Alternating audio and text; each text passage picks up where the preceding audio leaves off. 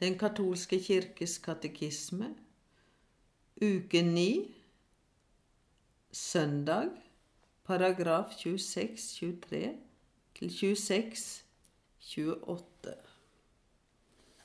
Tredje artikkel i Kirkens tid. Pinsedag ble løftets ånd utgitt over disiplene som var samlet, alle som én, og som ventet på ham, idet alle som en fortsatte trofast å komme sammen for å be. Ånden som underviser Kirken og minner den om alt det Jesus har sagt, skulle også komme til å forme dens bønneliv. I urmenigheten i Jerusalem fortsatte de troende trofast å følge apostlenes undervisning, og trofast tok de også del i fellesskapet, i brødsbrytelsen og i bønnene. Denne rekkefølgen særpreger Kirkens bønn. Den bygger på den apostoliske tro,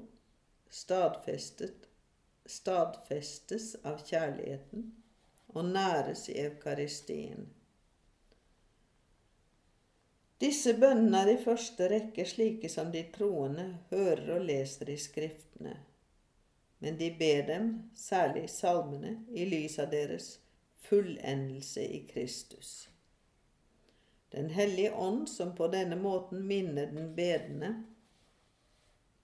kirke om Kristus, fører den også til hele sannheten og inspirerer nye formuleringer av troen formuleringer som gir uttrykk for Kristi ufattelige mysterium, slik det virker i Hans kirkes liv, sakramenter og sendelse.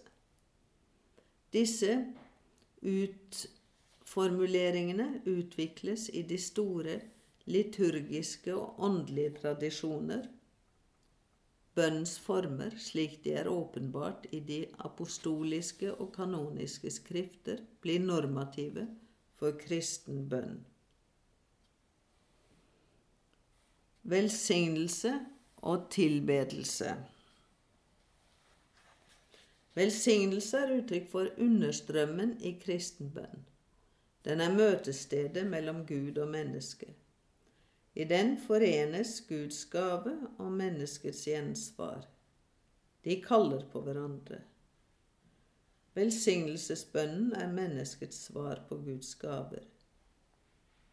Siden Gud velsigner, kan menneskehjertet igjen velsigne ham som er kilden til all velsignelse. Det er to grunnformer hvor denne understrømmen kommer til uttrykk. Snart stiger den, båret av Den hellige ånd, ved Kristus til Faderen. Vi velsigner ham fordi han har velsignet oss. Snart nedber den Den hellige ånds nåde som ved Kristus stiger ned fra Faderen. Det er Han som velsigner oss. Tilbedelse er den første holdning mennesket inntar når det innser at det er en skapning for sin skaper. Den opphøyer Herrens storhet som har skapt oss, og Frelserens allmakt som frir oss fra det onde. Den er sinnet som kaster seg ned for herlighetens konge, og taus ærefrykt i nærvær av den Gud som alltid er større. Tilbedelsen av den tre ganger hellige Gud, verdig til å elskes over alle ting, fyller oss med ydmykhet og gir oss frimodighet når vi bønnfaller ham om hjelp.